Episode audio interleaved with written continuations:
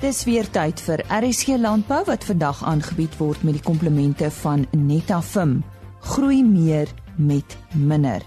Ons gesels vanoggend met 'n interras beoordelaar oor eh, die interras kampioenskappe by die Alfa Handelskou. Die departement vee en wildkunde by die Universiteit van Pretoria vier vanjaar hulle 100ste jaar en ons het by die feesvieringe gaan inloer. Netafim se fokus vir oggend is op drupbesproeiing by mielieproduksie en soos beloof gesels ons verder vandag oor die luiperd projek en juis met 'n luiperd boer, Philip Bronkhorst. Die uh, Interland nasionale interras kompetisie wat vanjaar by die Alfa Handelskou by die Afridome in Parys aangebied word, behels dat manlike en vroulike wenners van groot streekskoue saam in een klas beoordeel word. Nou die beoordelaars moet dus hulle storie ken om 'n wenner uit die topdiere aan te wys en ek gesels nou juis hieroor met 'n interras en vetvee beoordelaar Jan de Jong. Jan, ja, verduidelik eers vir ons die konsep van interras beoordeling. Die eerste beginsel is dat die diere binne 'n eie ras konteks beoordeel word. Ehm um, met ander woorde, 'n Dexter bull word as 'n Dexter bull beoordeel en nie vergelyk met 'n Angus of 'n Vermont bull nie. Waar die Dexter binne in sy ras sal staan is dus die saak. Ehm um, sal die Dexter bull hoër binne sy ras staan op 'n skou of sal die Angus bull hoër binne sy ras op dieselfde skou staan? Ehm um, die beginsel is die kern van intrasbeoordeling. En, en dis is dit baie belangrik dat die rasbeoordelaars die beste beeste uitsoek om teen die ander rasse te staan uh, op die skoue waar hulle beoordeel. Wat ook moet onthou moet word en dis 'n vraag wat baie wat dikwels gevra word, ehm um, is wat gaan gebeur as 'n persoon nou 'n junior bull um, gaan opsit as 'n kamp as 'n raskampioen. Dit was is daardie junior bull baie beïndruk, weet dit is 'n baie indrukwekkende jong bull, maar dit was kan daardie bull nie eintlik of is hy nie goed genoeg om teen 'n senior bull te staan om ehm um, te klop nie. Wat is nodig om 'n goeie interrasbeoordelaar te wees? Ehm um, eerstens moet interrasbeoordelaar 'n uh, in diepte kennis van die rasse beskik en ook die ras rasstandaarde van die rasse ken. Integriteit is baie belangrik uh omdat 'n inrasbeoordelaar partykeer gevra word om sy eie ras te beoordeel. Hy moet dus nou uh waag om nie sy ras te plaas as dit nou nie eintlik daaroor te wees nie. Uh inrasbeoordelaar moet ook die gawe oor die gawe beskik om 'n goeie redes te gee vir sy plasings. Uh bereidwilligheid om teen alle tye sy opinie om alles te opinie te aanvaar is belangrik omdat interrasbeoordelaars ons met ander beoordelaars in die ring beoordeel. Die van die finale plasing is uit die aard van saak die van die man wat die redes gee. Maar die ander beoordelaars is dalk baie baie meer ervare as die man wat nou gaan praat. 'n Dikvel ehm um, is ook uh, belangrik want dikwels is daar mense wat buite kan die ring staan wat nooit met jou gaan saamstem nie. En dan laastens en sekerlik die uh, belangrikste is eintlik neder, nederigheid. Ons maak almal foute. En uh, daar's baie mense in die bedryf wat met 'n diep kennis van hulle eie ras sit wat daar buite kan staan. Hoe word iemand nou 'n interrasbeoordelaar? Dis nog 'n lang proses. Uh en meeste rasbeoordelaars kom deur die ras waarmee hulle boer of beoordeel. Van leerlingbeoordelaar, junior tot senior beoordelaar vlak. Uh daar word elke jaar eksamens gehou op Nampo waar omtrent 18 besigheid beskikbaar is om te beoordeel. Uh 'n hoë slaagsyfer word gehandhaaf voor die aspirante beoordelaar eers as 'n junior interrasbeoordelaar aanvaar word. Die slaagsyfer bestaan uit sy plasings van die bulle en koeie en dan natuurlik die redes waardeur die persoon aan die eksamen metode gegee word. Junior beoordelaars beoordeel op skouers onder die leiding van senior interrasbeoordelaars en daardie senior interrasbeoordelaars neem steeds ehm um, op uh, Nambo deel. Ehm um, hulle hulle moet dan natuurlik uh, nog 'n hoë slagsyfer kom ons sê behaal om op uh, op 'n senior vlak te kom. Dit neem jare voor 'n persoon as 'n interrasbeoordelaar geslaag. Nou as 'n bees op 'n skou wen, is daar dan 'n geleentheid waar die bees teen ander uitstekende beeste te staan kan kom? Inderdaad, ja. Ehm um, en alfabet al die interaswenners van die afgelope uh jaar se skoue waar interasklasse aangebied word, die geleentheid om teen mekaar mee te ding. Alfa moet dus gesien word as die ware Suid-Afrikaanse kampioenskappe van die Suid-Afrikaanse beeskou seisoen. Watter diere het reeds gekwalifiseer en ingeskryf vir vanjaar se interland interras kompetisie Jan? Ehm um, van die 11 landbouskoue wat met uh, interras klas in Suid-Afrika sit, het 10 al plaasgevind. Die 11de skou, dis nou Moreesburg is net voor Alfa. Met ander woorde, van die 20 moontlike deelnemers sover het 19 al gesê hulle kom Alfa toe. Um, ons is baie baie bly want uh, van die mense wat uh, moontlike kans het om te wen op Moreesburg het al gesê hulle is bereid om 'n lang pad te slaan uh, Alfa toe. Ons het sover sewe verskillende rasse van 13 verskillende teelers wat betrokke gaan wees op Alfa. Ek het daar met Jan de Jong gesels. Hy is 'n interras en vetvee beoordelaar. Moenie vanjaar se Alfa Lewende Hawe Expo by die Afridome in Parys misloop nie. Veilings, uitstallings, kompetisies en demonstrasies. Alles wat jy van veeboerdery moet weet op een terrein. Dit is vanaf 12 tot 14 September by die Afridome in Parys. Alfa, 'n veefees soos min. Die departement vee en wildkunde by die Universiteit van Pretoria vier vanjaar hulle 100ste bestaanjaar. Ja, dit is begin in 1917, maar met 'n ander naam. Professor Norman Casey, wat ook een van die departementshoofde was, vertel meer. Dis 100 jaar en dit is moeilik om werklik te dink wat in 100 jaar gebeur het. Maar in 1917 was die eerste professor in veeteelt soos wat dit destyds genoem is, ehm um, aangestel. En die persoon was uh, professor A.M. Bosman. En in sy boek Cattle Farming in South Africa noem hy dat hy daar deur deur uh, generaal Louis Botha geïnspireer is om landbou te studeer. En generaal Botha het ook gevoel dat daar meer landbouopleiding in die land moet wees en veral in die Transvaal gebied. En wat 'n mens ook dan moet verstaan dat in 1917 was daar die oorblywenisse van die die stryd hier in die op die Hoëveld van die die oorlog. Daar was ook die wêreldoorlog wat aan die gang was en dus was dit 'n groot uitdaging geweest om so iets tot stand te bring. Na so rukkie en natuurlik uh, Engels was omtrent die voertaal op die stadium en toe het Afrikaans na 1925 ingekom, dit het 'n amptelike taal geword het en van daar af het dit net gegroei. Nou die departement het oor die jare verskillende vorms gehad. Eers was dit net veeteelt geweest, ehm um, en die konsentrasie was op uh, grootvee en toe daar die departement pluimveekunde bygekom en departement skaap en wolkunde bygekom en later is hierdie geamalgemeerde departement veekunde animal science in Engels. En interessante goed wat op die pad gebeur het, is dat onder leiding van 'n klomp persone by die universiteit wat gedink het ons moet ehm um, geleenthede gee van 'n baie groot deel van ons bevolking wat nie toegang gehad het tot hierdie universiteit nie te skip. Dis die skool, die ek gaan in Engels sê the School for Agriculture and Rural Development geskep. En dit het swart mense laat inkom uh, dit het 'n ander dimensie gebring. Ons kon uh, diep van die persone kon vanaf um, een vlak na 'n ander vlak toe deurgaan en ons het al mense gegradeer wat met MSc's hier uitgestap het en ook doktorsgrade hier uitgestap het. So daar was 'n baie goeie groei gewees oor die jare in hierdie departement van veekunde soos wat dit was. Nou die gebou waar waar dinge begin het, is is is dit nog steeds hierso? Ja, die die gebou is nog steeds hier en dit word nou nie meer gebruik direk gebruik vir landbou nie, maar voedselwetenskap is daar.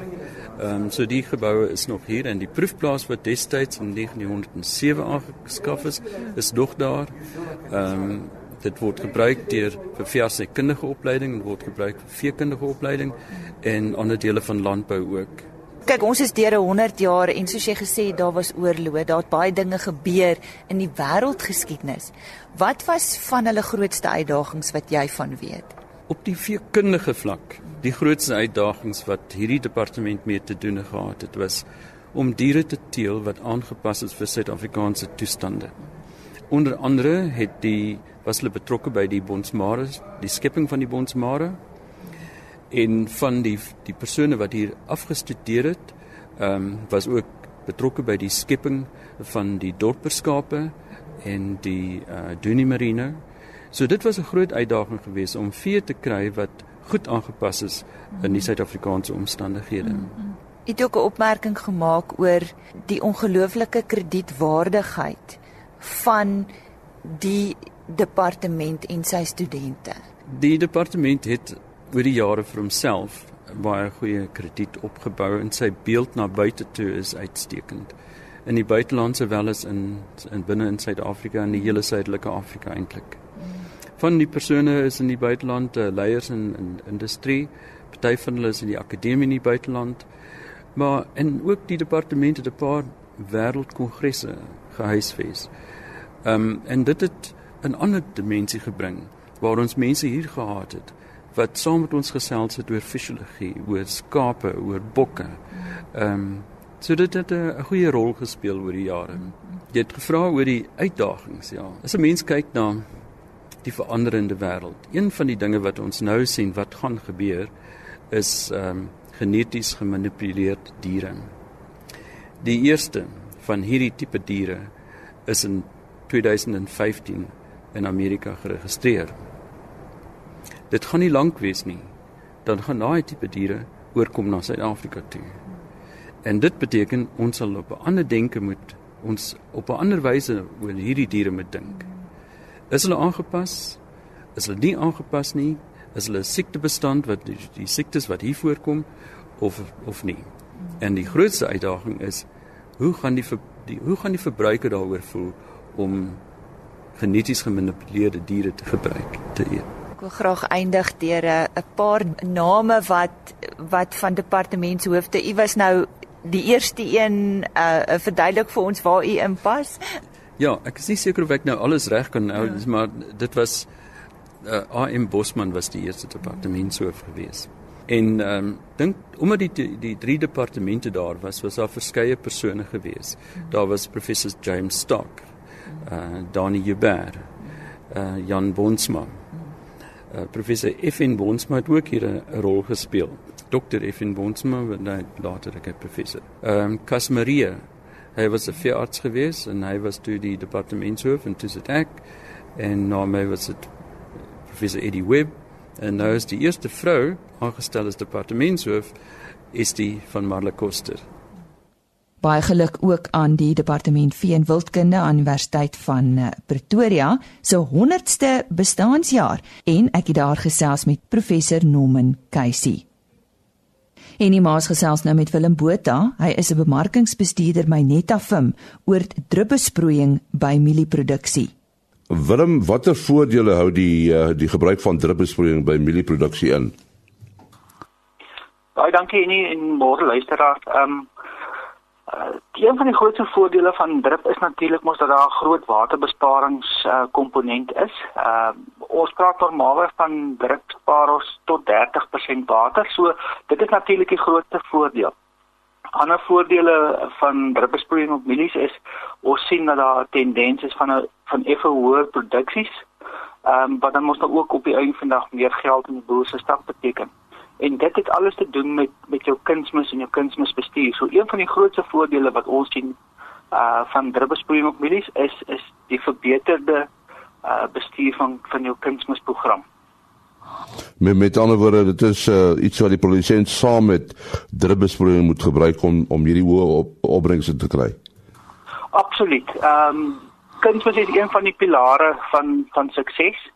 Ehm um, ander ander komponente wat jy ook in natuurlik moet in berekening bring wanneer jy dink aan drip is is die keuse van jou kultivar, jou uh, plante stand, jou plant of jou plantpopulasie.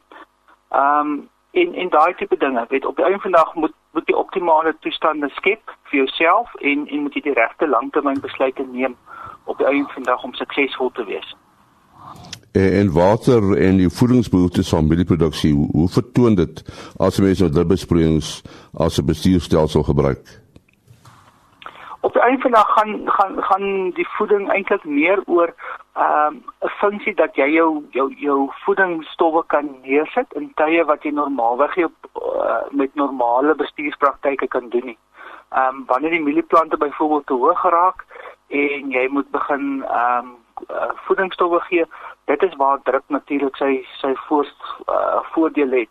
Die ander die ander ding uh komponent wat ook belangrik is as mens oor kunsmisbestuur praat, omdat jy jou water op die grond sit direk binne in die in die wortelsone van van jou plant, is jou kunsmis dan ook mos nou dadelik beskikbaar vir jou vir jou plant en kan dit baie effektief opgeneem word. So as 'n produsent ehm um, druppelsproeiing in sy middellande wil installeer, wat wat wat moet hy in ag neem? Daar's 'n paar dinge. Ehm um, dit gaan oor oor hoe hoe lyk jou land? Het wat se hellings het jy? Wat se tipe grond het jy? Ehm um, en en en nou nou moet maar die topografie van van jou land. Want dit gaan op die einde van die van die dag bepaal oor hoe jou uh besproeiingsstelsel gaan lyk en oor hoe hy gaan ontwerp word. Op die einde van die dag is dit baie belangrik om dat jy 'n reg ontwerpte stelsel moet hê Met ander jy moet jy moet kundiges gebruik om jou te help om jou stelsel te ontwerp. Want dit is dit is die kruks van alles. Ehm um, as as jou water nie reg vloei binne in jou pype nie of as jy nie jou jou water reg kan toedien nie, dan dan het jy probleme. Die hele die hele ding van van druppelsproeiing gaan oor akkuraatheid. As ons dit daar met jou kunsmisbestuur wil sit, uh, moet jy moet jy absoluut seker maak dat jy dat jou stelsel akkuraat is en en dit alles begin by by by jou uh ontwerp. Een van die belangrikste komponente is natuurlik om seker te maak van die waterkwaliteit. Dit is krities ten opsigte van druppelspoeling want dit gaan bepaal oor oor wat die gevaar is vir jou verstoppings uh uh vir vir drup.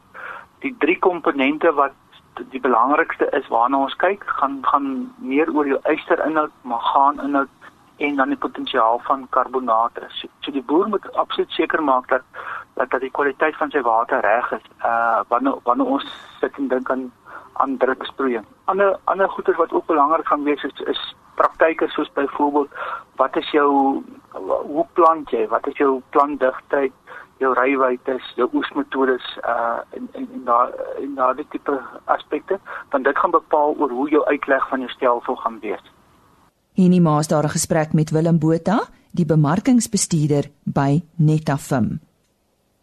'n Navorsingsprojek wat daarop gemik is om die gebrek aan wetenskaplike data oor die status van luiperds en ander roofdierspesies in Suid-Afrika aan te spreek, word nou deur die land se private jag- en safari-sektor in samewerking met die Tshwane Universiteit van Tegnologie geloods. Nou ek het gisteroggend met die uitvoerende hoof van die professionele jagtersvereniging van Suid-Afrika gesels en vanoggend praat Philip Bronkhorst, hy is die voorsitter van die Limpopo Jagtersforum verder oor hierdie luiperd navorsingsprojek. Philip, waarvoor word die fondse wat vir die projek ingesamel word aangewend? Môre Lise, baie dankie vir die geleentheid dat ons hierdie projek aan julle kan voorstel daarso. Uh Lise, die geld uh word aangewend om toerusting wat ons benodig soos die rekenaar uh, rekenaars GIS programme, globale posisioneringsstelsels, met ander woorde GPS'e, kamerastrikke en dit is om in in die terme is dit uh die trail cams vanghokke, toerusting, voertuie en al daai goed aan te skaf wat ons van nodig het. Uh daar's projekbestuurders uh wat bestaan uit doktorale en meesterstudente. Hulle sal met wyd en te reis daar om toegang kry tot reservate plase en ook soms weet uh, onherbergbare wildernisareas. Uh met hierdie reis en verblyf is daar baie kostes wat gedek moet word. Ehm um, en uh, baie van die grond en uh, grondeienaars en jagondernemers uh sal ons help hiermee ehm um, in die verband met daarop genoem word dat alle jagondernemers wat deur ons se kontak is, hulle absolute bereidwilligheid genoem het om die navorsers en die studente en almal by huisves te akkommodeer wat baie van die kostes vir ons gaan uh, baie minder maak. Verder sal ons ook met bietjie gemeenskapslede identifiseer wat ons kan oplei om met die navorsing te help. So dis alles ook 'n dis nie net 'n navorsingsprojek nie, dis ook 'n opleidingsprojek om uh, om die regte mense bymekaar te kry En dan iets wat baie baie belangrik is, uh ons te bewus maak is veldtog ons moet die breë publiek se steun en die betrokkenheid kry. Ehm uh, en daai daai bewusmakingsveldtog moet uh geloods word. So bemarking van hierdie projek is baie baie belangrik en uh ons moet dan ook aan die donateurs gereeld op hoogte hou uh met die vordering van die projek sodat hulle weet waarna toe hulle fondse uh, gaan. En dan sal dit laasens daar tegnologiese ontwikkeling van beide bio en databanke wat uh, gefinansier moet word. Hierdie bio en databanke sal daar by die universiteit van of nee die uh, Tshwane Universiteit van Tegnologie ehm um, uh, opgesit word. Wat het julle nog nodig vir die projek om lewensvatbaar te wees? Jong, fondse, dis 'n groot ding, geld. Die welwillendheid van die grondeienaars, jagondernemers, landelike gemeenskappe, die samewerking van veral staatsdepartemente baie baie nodig nie. Ehm um, die mense uh moet ons van ons kant kry, hulle moet verstaan hoekom doen ons dit en uh ja, ons ons moet uh ons moet uh, hulle veral aan ons kant kry. Uh die projek loods in die Limpopo, maar hy gaan landwyd gedoen word en as gevolg van daarvan moet ons met al die staatsdepartemente in die verskillende provinsies uh moet jy kontak. Jy weet daar's soos navorsingspermitte, daar's 'n hele klomp papierwerk nodig. Verseker julle nou dat dieselfde luiperd nie meer as een keer getel word nie? Dis nou nogal interessant, né? Ja, wie wat nie elke mens, elke sewe, elke kudu, elke rooibok, elke luiperd het sy unieke ehm um, patrone, velpatrone. Ehm um, dis soort gelyk aan 'n mens se vingerafdrukke wat elkeen uniek is. So dan moet jy gevorderde tegnologie wat jy gebruik uh, om jou te help om hierdie die luiperd se kolle uh, te identifiseer. Uh jy weet 'n luiperd se linkerkant en 'n luiperd se regterkant lyk verskillend. Kolle is op verskillende plekke. So dit is 'n dit is 'n komputerprogram waar die foto's op ingevoer word en hy uh sê vir jou hierdie luiperd en daai luiperd is dieselfde en op hierdie en so ander ene. So dis alles is maar uh, uh is maar tegnologie wat gebruik moet word daarso. Wat dink jy maak hierdie projek nou so uniek? Wie wat nee, dit is uh, baie belangrik die algemene publiek, Jan Alleman, gemeenskappe almal kan deelneem aan die projek. En dit is nie net tot 'n wetenskaplike beperking nie. Uh dit maak die projek baie baie uniek. Ehm uh, daar's Cat Spotter uh dis 'n uh, webgebaseerde program wat ons begin het. Um 'n webwerf. Hy's gebruikersvriendelik. Uh 'n plat platform waarop Jan en Alleman hulle foto's van predatore, misspore, profikarkasse en al daai kan oplaai. Um en hierso wil ek inligting soos jou datums, tyd, omstandighede, lynkaart of grid maps uh koördinate kan uh, inges uh, ingesit word en al daai inligting word sodoende versamel dan op hierdie CatSpotter program en die die ehm uh, dit is www.catspotter.co.za mense kan gaan kyk daarso. Ehm uh, laastens word hierdie hele program uit eie geleedere gefinansier wat weer eens bewys dat ons jagters omgee vir ons omgewing en die natuur. Dan het ons ook natuurlike projek geloods wat elke predator so byvoorbeeld 'n raaf uit die boskat, rooi kat, bruin en vlekte hyena, sewekkat, 'n valboskat. Al daai spesies wat ons uh jag gaan gebruik vir elke spesies wat gejag word, ehm um, sit ons R200 uh, in 'n sentrale fonds uh, wat die jagondernemer dus nou bydra om hierdie navorsing moontlik te maak op op hierdie verskillende predator spesies en waarvan die luiperd die belangrikste is, maar ons moet ook besef dat uh, saam met die luiperd is daar heelwat ander predatore wat ons ook kan uh, inligting terselfdertyd uh, insamel. En dan weet baie van die ondernemers met wie ons reeds gepraat het, selfs genoem dat 'n groot bedrag gekyk na moet word, nie net te 200 rand nie, maar dalk te 500 rand. Uh en dit is net jy weet so ongelooflik om te sien hoe die industrie se toegewyd het tot die projek uh is en hoe ongelooflik positief hulle is. Nou jy het nou nou so 'n bietjie oor die inligting gesels, maar waar gaan julle hierdie inligting wat tydens die projek ingesamel word beskikbaar stel? Hier daarso is 'n uh, dan van 'n bio databank by die Tshwane Universiteit van Tegnologie gevestig word en hierdie uh, bank gaan beskikbaar wees vir alle navorsers, individue, regeringsinstansies, private organisasies en almal uh om toegang tot die data te kry die verwerkte data sal ook gepubliseer word en sal in wetenskaplike joernale ingesit word en waar dit dan ook kan gebruik word as riglyne Uh so al hierdie gaan gaan by Tshwane Universiteit van Tegnologie met hulle wildlewe departement. Uh dit gaan daar gebaseer wees.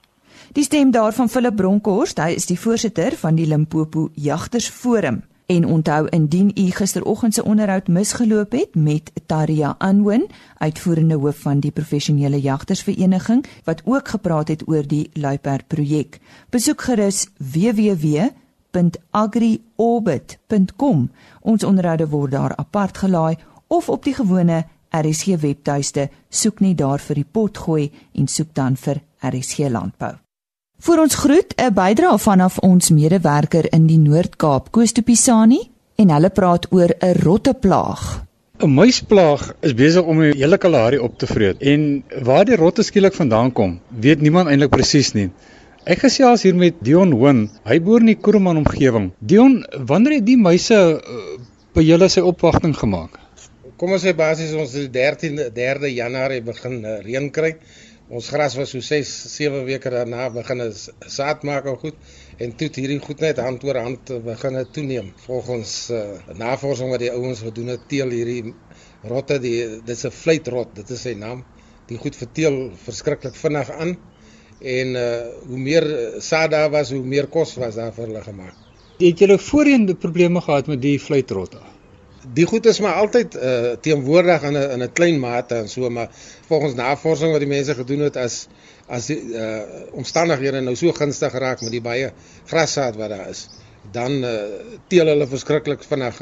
Ons het eendag 'n uh, gesprek met Dave Peppler gevoer en hy het gesê die meise teel binne 21 dae. Hy's 21 dae oud dan teel hy alweer.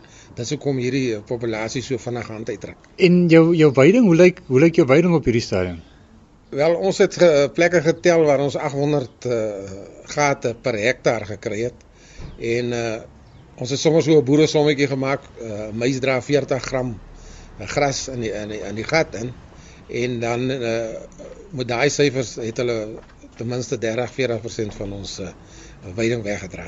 So dit is eintlik 'n groot probleem veral omdat julle nou besig is met 'n uh, met julle is nou in 'n opboufase van van julle kuddes. Affekteer dit julle kudde groei baie op hierdie stadium? Ja, definitief. Uh, ons het nou almal op 'n stadium gekom waar ons nou kan ons uh, verskalers oorhou vir die volgende uh, slag en so en uh, die ding gaan veroorsaak dat ons dit hier jaar nie kan doen nie. Ons sal ons verskalers weer eens moet verkoop as jy jou veiding wil beskerm om deur te kom tot na Januarie toe. En is daar enige manier hoe jy van die rotte ontslae kan raak? Is daar enige gif wat jy kan gebruik? Nee, ons kan nie want uh, die ding is te wyd en uh, as jy gif gebruik is daar te veel ander diere wat uh, daaronder gaan ly en volgens navorsing wat ons uh, gekry het wat mense gedoen het al al hoe hulle tot niet gaan is uh die ouens het nou geskryf dat uh, die muise is verskriklik netjies. Hulle pas hulle klein meisies mooi op hulle nesse is netjies en als. Maar as hulle so uh, oorbevolk raak dan begin hulle half gedisoriënteerd raak en uh, dan begin hulle onder mekaar beklei en hulle byt mekaar dood Nou lyk my dis al oplossing wat gaan kom en dan verdwyn hulle sommer. So uh sal hulle heeltemal kan verdwyn of of dink julle dit hulle gaan maar net minder word maar nog steeds teenwoordig wees? Nee, hulle sal nie heeltemal verdwyn nie. Daar sal maar altyd jy sal maar altyd sien hier is nog van hulle maar hulle bly dan so half uh, dormant vir 'n jaar of 3 of 5 en as hierdie toestande vir hulle nou so ontwikkel dat vir hulle so gunstig is dan teel hulle net. Nou, hoe groot deel van die Kalahari word geaffekteer deur hierdie muise? Wel, sover ons nou kon vasstel, is dit uh, hier van Hotezelf tot teen die Botswana grens. Ons sien nou is tot by Genesa en dit is uh, Olifantshoek tot teen die park. So is basies ons hele Kalahari wat dit is. Dit was dan ons medewerker Koos de Pisani wat daar gesels het met Dion Hoon, 'n boer van die Kalahari. Ons kyk dan môreoggend om 05:30 weer saam met u. Onthou dit is dan weer waarhede saam met Johan van der Berg en uh, vandag se program is aangebied met die komplemente van Netafim. Groei meer met minder. Totsiens. RSG Landbou is 'n produksie van Blast Publishing. Produksieregisseur Henny Maas. Aanbieding Lisa Roberts en 'n notas koördineerder Jolande Rooi.